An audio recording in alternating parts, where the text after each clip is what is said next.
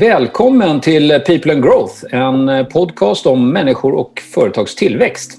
Eh, vår gäst idag är dykare, skoteråkare, han är jägare och inte minst ett stort fan av Fredrik Zappa, heter han inte, utan han heter Frank Zappa. Eh, och till vardags är han faktiskt koncern för Nordic Flanders Group. Välkommen säger vi till Fredrik von Sterneck. Tack så mycket Jonas, kul att få vara med. Sterneck, du, det är inte ett helt vanligt namn. Kan du berätta, var, var kommer det ifrån? Ja, nej, det är inte vanligt här i Sverige i varje fall. Det är av österrikiskt eh, ursprung. Min pappa är född i Österrike och den delen av släkten kommer därifrån och min mamma kommer från Tyskland. Så jag föddes här i Sverige 62 så de kom hit slutet på 50-talet. Ja, då blir man, vad var det som gjorde att de valde att komma till Sverige då? 50-talet, det var i och för sig efter kriget där men... Ja, det var nog inte så mycket val utan det, på min pappas sida så, så, så, var det ju så att han var i Prag faktiskt. Min pappa är född i Prag därför han jobbade, min farfar jobbade i Prag. Och i kriget sen då när ryssen invaderade och, och då fick man möjligheten att flytta till Sverige. På det sättet kom min pappa till Sverige och gjorde klart sitt gymnasium. Min mamma kom sen senare på 50-talet. Och idag är du, eh, från, från 50-talet fram till idag, idag är du då koncern-VD för Nordic Flanders som tillverkar flänsar. Och eh, för den som inte då kanske är bekant med det, vad, vad, vad är det egentligen? Ja, eh, ja, för att uttrycka det väldigt enkelt så är en fläns det som sammanfogar två stycken rör. Och det kan man göra i olika material naturligtvis beroende på vad röret har för material. Eh, inom Nordic Franchise Group så jobbar vi med att tillverka flänsar i stål och i aluminium. Och om ni tänker efter eh, när man till exempel är ombord på en färja eller någonting så ser man alla rör som går längs väggar och så vidare. Så sitter det två stycken flänsar som är ihopskruvade som helt enkelt sammanfogar rör på ett eller annat sätt. Och som sagt i, vår koncern så tillverkar vi dem i norra Sverige i stål och i norra Finland så gjuter vi dem i aluminium och så har vi en rent metallbearbetande industri för det här. Ah, ah, ja. Och det, det, är sånt här man sätter ihop pipelines med till exempel också antar jag? Då. Till exempel pipelines. Det är allt från små, små, små rör till, till stora pipelines som vi sammanfogar. Och vi säljer det globalt idag. Ja, spännande. Eh, om du skulle titta tillbaka på ditt liv då? Finns det några sådana avgörande händelser som du har med dig i bagaget som, har, som har format dig och fått dig kanske att växa som människa och person? Jag tror att, att eh, om man tittar lite tillbaka, de, de som är i min ålder, den första delen som kanske blev en avgörande händelse som i, i, på den tiden, det var när man fick göra lumpen. Man, man rycktes ut från hemmet och tryggheten där och kom in i en helt ny värld. Jag tror också det andra steget var för dem som gick på högskola att man, man fick ett slags kvitto att man var, hade läst klart och, och gick vidare in i ett nytt arbetsliv. En helt avgörande händelse senare är självklart att få barn. Det, det, det, det ändrar livet helt och hållet på ett helt fantastiskt sätt. Men eh, ska man titta rent jobbmässigt så tror jag nog att eh, för min del var det nog första vd-tjänsten. Det var både spännande och extremt skrämmande att kastas in i den världen. När var det? Ja, när var det? Det måste ha varit mitten på 90-talet någonstans. 94, 95 där någonstans. Och sen har du fortsatt i, i, den typen av roller då som jag har förstått det? Då. Ja, i princip hela tiden faktiskt. Därför det, det, det, är nästa grej. När man väl sitter där som VD så är det svårt att byta. Man, man blir kvar i det facket. Eh, jag har förvisso jobbat som försäljningsdirektör en kort tid däremellan men i största delen har jag jobbat som VD sedan, sedan mitten av 90-talet. Och vilket har varit det roligaste jobbet då? Roligast? Jag, jag tycker alla de här roliga, jobben har varit roliga. Jag går in i bolag som, som har lite problem vanligtvis. Och, och, det är min grej att gå in och försöka få ordning på de bolagen. Och, och, I de bolag jag har varit så har det gått ganska bra. Så det är svårt att säga vilket som har varit roligast. Det har varit utmaningar allihopa, men det har varit roliga utmaningar. Det har gått bra. Mm, okay. Och om du skulle beskriva dig som person, hur, hur är du då? Ja, för det första är det väl så, hur beskriver man sig själv eller hur, hur, skulle andra beskriva en som person? Men jag tror nog att jag är ganska driven, målinriktad och, och väldigt social. Och jag vet att jag har bra självförtroende men jag har säkerligen någonstans en liten släng av ADHD också. Och, och, det gör väl att jag blir lätt otålig när det inte går tillräckligt fort. Då. Men, men man kan säga att jag motiveras av framgång och resultat och, och, driver det framåt. Och så är jag nog ganska mycket privat också. Och hur återspeglas det här i, i kanske din syn på, på ledarskap? Ja, alltså, för det första gillar jag att du, att du säger ledarskap, för många säger chef eller chefskap och, och jag gillar eh, faktiskt inte ordet chef överhuvudtaget, därför chef är någonting som tillsätts. Det, det är någonting eh, din chef eller din styrelse kan utnämna dig till. Men ledarskapet, det är faktiskt någonting vi, vi alla måste förtjäna.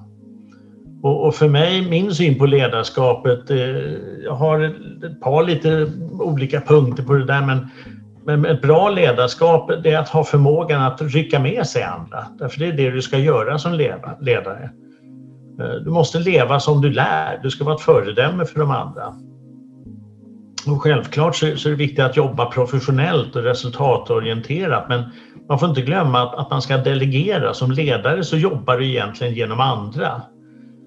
Ehm, I sådana här tider så kan man säga att, att det är otroligt viktigt att ha humör, eh, eller humor och ett gott humör. Därför även när det är svårt så måste du visa liksom att rycka med dig de andra, att, att gå framåt. Företagets intresse ska alltid gå före det egna och, och jag tror att, att, att en, en, bra ledare lär sig nog att lyssna och ta intryck från andra, även om, om man ofta säger att man, man är väldigt bra på det, men, men det är något man nog kan bli bättre på hela tiden. Eh, ja, vad ska man mer säga? Jag tror att det är viktigt att, att, att ge kredit för andras insatser, att berömma folk i, i plenum och, och ge kritik i enrum. Och, och framförallt en riktigt bra ledare, han måste nog ha civilkurage. Man måste kunna ta obekväma beslut. I slutändan gäller det bara att visa resultat, det är det det går ut på. Mm. Mm. Intressant. Men du, eh, nu är du inne här i det bolag du jobbar för nu och, och, och precis resultat som du pratar om. Eh, och det är ju tillväxt på något sätt oavsett hur man mäter tillväxt i antal kunder eller om man mäter i rena pengar och omsättning. Men, men eh, vad, är det, vad, är det, vad, är det, vad, har du för recept för, för att skapa tillväxt? Vad, vad är det för beståndsdelar du anser är viktiga komponenter eller hur gör du rent ut sagt? Jag tror att framförallt gäller det att ha en enorm lyhördhet gentemot sin marknad och sina kunder. Man måste ha en slags driv och nyfikenhet att alltid vilja gå från det som är bra till att det ska bli bättre på något sätt. Man får nog inte vara rädd att utnyttja den potential som finns bland personalen och människor runt omkring man, man måste liksom våga omvärdera saker, våga prova nya saker. Blir det inte bra kan man alltid gå tillbaks men gör man ingenting så imploderar man till slut på något sätt. Man får försöka hitta bland sina kunder om det är något de är missnöjda med i sin situation eller vad det är, se om man kan ge kunden en möjlighet att förbättra den situationen. Det gäller nog helt enkelt att, att försöka hitta andra sätt, inte bara hela tiden gå samma väg. Vi, vi har lagt in ett motto i vår koncern här nu de senaste två, tre åren där, där vi säger innovation tillsammans hela vägen. Och det speglar nog lite det som ska skapa tillväxt, att innovation den måste pågå dagligen, vi måste göra det tillsammans och vi måste slutföra det hela vägen fram till, till att kunden blir nöjd. Så det, det, det kanske inte är ett recept men det är i varje fall en liten vägledning hur vi jobbar. Mm. Aha, bra. Eh, vad tycker du då, liksom, om, ni, om ni nu jobbar efter innovation sa du och, och, och tillsammans och hela vägen. Eh, men vad är, det, vad är det som är svårast då i din, din roll eller din roll som VD att, att manövrera kring det här? Vad, vad är det som upplevs som svårigheterna? Vad, vad, är, vad är kruxet om vi säger så?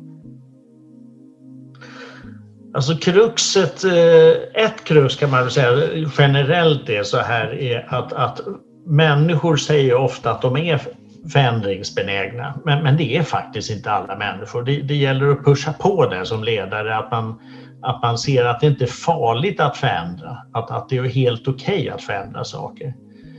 Men min svåraste roll just nu, det måste jag nog säga ändå, är den här pandemin vi sitter i. Jag är van att, att både resa och, och träffa kunder och personal. Jag reser någonstans vanligtvis mellan 100 och 200 dagar per år. Och, och, som ni alla förstår, det, det är ju noll nu. Det, det, det finns ingenting alls. Och, och, de tre fabriker jag har här i, i Norden varje dag när jag är där vanligtvis så, så, går jag ett varv på fabriken på morgonen för att känna av pulsen med alla medarbetare. Alltså de som jobbar på smedja eller tillverkning, till sälj och ekonomi. Man får väldigt mycket med sig när, när man träffar folk men allt det där går ju inte nu. Jag har inte besökt fabrikerna i, i Finland på hela det här året till exempel och jag har varit en gång i fabriken i norra Sverige. Så, så all den, alla de möten och allt vi har, det, det sker via någon form av Zoom eller Teams. Och bara där har jag ett tiotal chefer som rapporterar till mig och redan det är en utmaning att, att, så att säga, styra bolaget på det sättet. Så det gör det naturligtvis just nu skulle jag säga som det svåraste i min roll som VD. Ja, det är lite svårt att bedriva management by walking around över, eh, över nätet om vi säger, än så länge. Men, men tekniken, vi kommer nog hitta någon lösning på det också när man kommer kunna vara som ett hologram eh, som eh, rör sig runt. ja, men det funkar ju ganska bra ändå måste man säga. Men vi, vi, vi har ju kört alla möten och allting via Teams och så vidare, också med kunder och, och, och skapat alltså både demon och webbinarier och vi har våra ledningsmöten och allting. Till och med vissa av styrelsemötena har vi kört via Zoom. Men, men någonstans så saknar man ju så att säga den rent mänskliga kontakten och se hur, hur människans kroppsspråk eh, eh, reagerar när man talar med dem. Det tror jag är svårt. Hur, hur upplever du, har produktiviteten minskat, ökat eller är den densamma innan, eh, alltså nu under pandemin? Vad, vad tror du eller vad är din upplevelse? Eh, jag kan bara uttala mig för vårt bolag. Alltså vår produktivitet har absolut inte minskat men, men, men det har nog också väldigt mycket att göra att, att vi direkt liksom i, i mars i år insåg när, när, när det hände att vi måste ändra hela strategin. Och, och vi vart ännu duktigare på tror jag, att sätta mål och då menar jag mål att man inte säger att det här ska vara klart nästa vecka. Nej, men det ska vara klart på tisdag klockan 11. Så att man verkligen fullföljde alla de mål vi satte. Så, så det, där, jag tror vi har klarat oss riktigt bra faktiskt än så länge. Mm. Så, så mål, att jobba med mål har varit ett framgångsrecept under pandemin? Absolut. Ja. Absolut. Okay. Och följa upp dem. Ja, ja det, det, det är en nyckel eh, faktiskt. Eh, från det ena till det andra. Eh, om du fick rekommendera någon bok som gör skillnad eller har gjort skillnad för dig eller som du tror gör skillnad på ett eller annat sätt. Vad skulle du säga då? Jag har ingen sån här bok som jag kan säga är en sån här världsskillnad på något sätt, men jag läste faktiskt en bok för något halvår sedan utav en person, jag är inte helt hundra på hur han uttalas, men jag tror det uttalas Yuval Noah Harari. Och boken heter 21 tankar om det 21 århundradet. Jaha. Den var faktiskt ganska häftig måste jag säga, därför det han skriver om är alltså de 25 eller 21, 21 mest omtalade omedelbara utmaningar som vi har här i världen just nu. Alltså allt från krig och klimatförändringar, och arbetslöshet, fake news och terrorism och så vidare. Och så försöker han liksom då komma fram till hur, hur med alla de här oroande förändringar, eh, hur, hur man på något sätt kan behålla vikten att behålla vårt sans och förnuft i allt det här. Det var en intressant bok faktiskt. Mm. Härligt. Ja, den. Tack för tipset. Vad hette författaren igen? Eh, Yuval Noah Harari, 21 tankar om det 21 århundradet. Han har tydligen skrivit två andra böcker också, men de har jag inte läst ännu. Ja, ja, tack. tack för tips. Tack för tipset. Jättebra. Du, eh, om vi tittar lite framåt då. Jag menar, det är mycket som händer nu. Vi har en pågående pandemi, det är mycket som händer generellt sett i världen. Vi har ett ny, nytt presidentval eh, i USA som kommer påverka. Vi har Brexit och bland annat. Och hur, hur, vad är vi på väg liksom som, som vad ska jag säga, mänskligheten? Vad är vi på väg? Var är vi om tio år någonstans? Hur kommer det se ut? Och vad, vad är dina tankar om framtiden? Ja, alltså när det gäller pandemi och sånt så, så kan jag bara påverka det genom att, att, att, själv hålla mig isolerad så gott det går och, och, försöka få stopp på det här eländet. Därför det är en sak som är säker, vi måste få på, stopp på det och det väldigt fort. Och de andra grejerna du nämnde om Brexit och, och presidentval etc. de kan jag inte göra så mycket åt.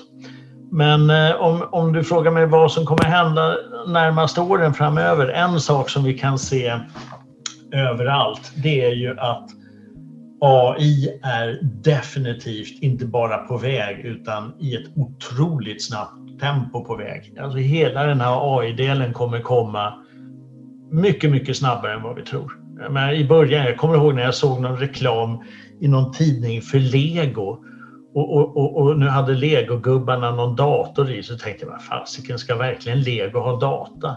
Men, men, men alltså, snart kommer det inte finnas lego som inte har data därför det, det, det, det genomsyrar allt vad vi gör och vi, vi ser ju även i våra bolag som jag sa, vi, vi tillverkar stålflänsar. Det, det, det, är väl en ganska basic sak, men även vi är inne nu på att titta på hela den här IoT och AI-delar. Det är allt från att man börjar fundera i tankar hur, hur funkar 3D-printing framöver? Hur kommer det funka i en stålindustri?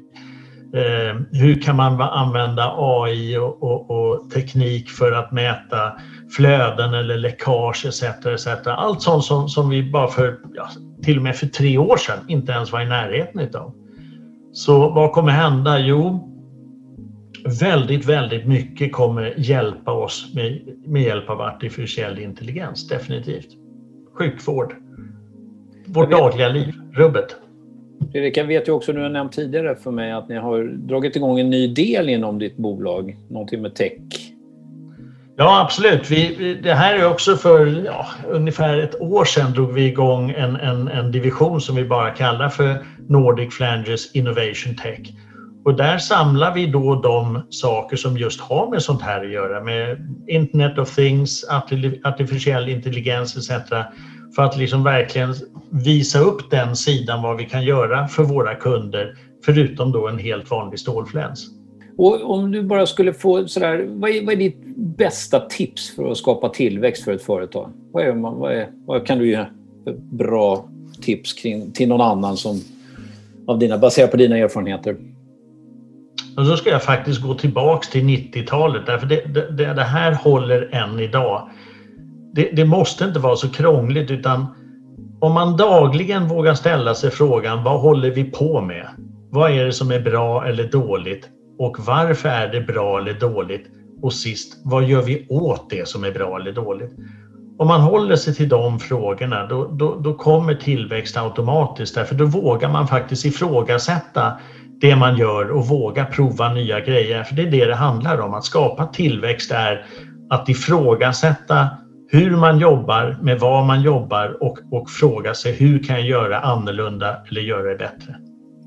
Men då är jag tillbaka till den här frågan vi pratade om tidigare, det här med, med, förändring som du sa är väldigt nödvändigt och så vidare. Men alla är inte kanske förändringsbenägna. Hur, hur, hur agerar du med, i ditt ledarskap med, med, med människor som kanske inte är så förändringsbenägna? Hur, hur, inte attackerar du det, det är fel uttryck, men hur, hur hanterar du det? Eh, för att du nämnde det tidigare.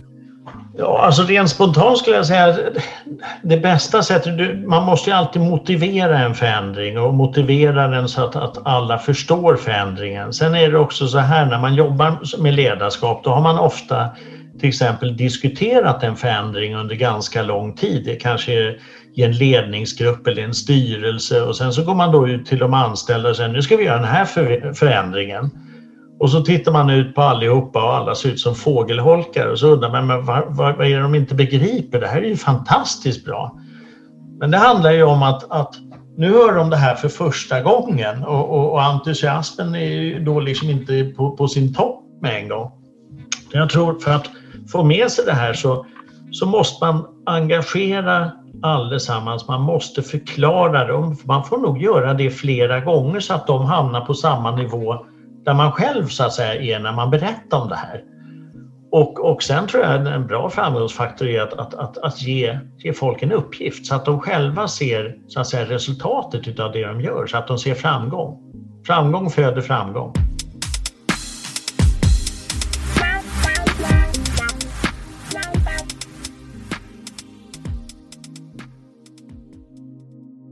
Och om vi, om vi släpper företagsdelen då och bara tittar på, på eh, ditt bästa tips på, på det personliga planet då för att skapa personlig tillväxt eller som människa. Vad, vad har du för tips då? Ja, jag är väl nog tillbaka till det där vad, vad, man önskar att man var eller vad man faktiskt är någonstans. Men generellt tror jag nog att, att, att att, att ha tillväxt själv, liksom, i grund och botten måste man må bra fysiskt, att, att hålla kroppen i form på något sätt. Liksom. Sen tror jag att det inte är helt fel att vara lite ung i sinnet. Det, det, det, det är nog aldrig fel. Nyfikenhet tror jag är viktigt. Mm. Och, och, och, jag kanske inte är den bästa på det här, men, men att lyssna på folk runt omkring en. Motarbeta inte, var inte rädd för förändringar. Det finns väldigt många svar där ute redan. Man behöver inte alltid uppfinna hjulet en gång till utan använder man öronen och ögonen lite mer så, så ser man och hör väldigt mycket. Så det, det tror jag nog är ganska bra. Även om jag kanske inte är världsmästare på det själv. Nej, det, det, det, så kan det ju vara för oss alla. Men så länge man har insikten om att man kanske inte är världsmästare så, så tror jag man är en bra bit på, på väg. Allt som oftast. Stort tack Fredrik eh, för din tid och att du kunde upplysa oss lite grann om eh, tillväxt och ledarskap och, och dina synpunkter. Jag hoppas på att vi kanske får tillbaka dig till podden här eh, någon gång framöver. Eh, och eh, tack så hemskt mycket. Tack själv Jonas. Tack.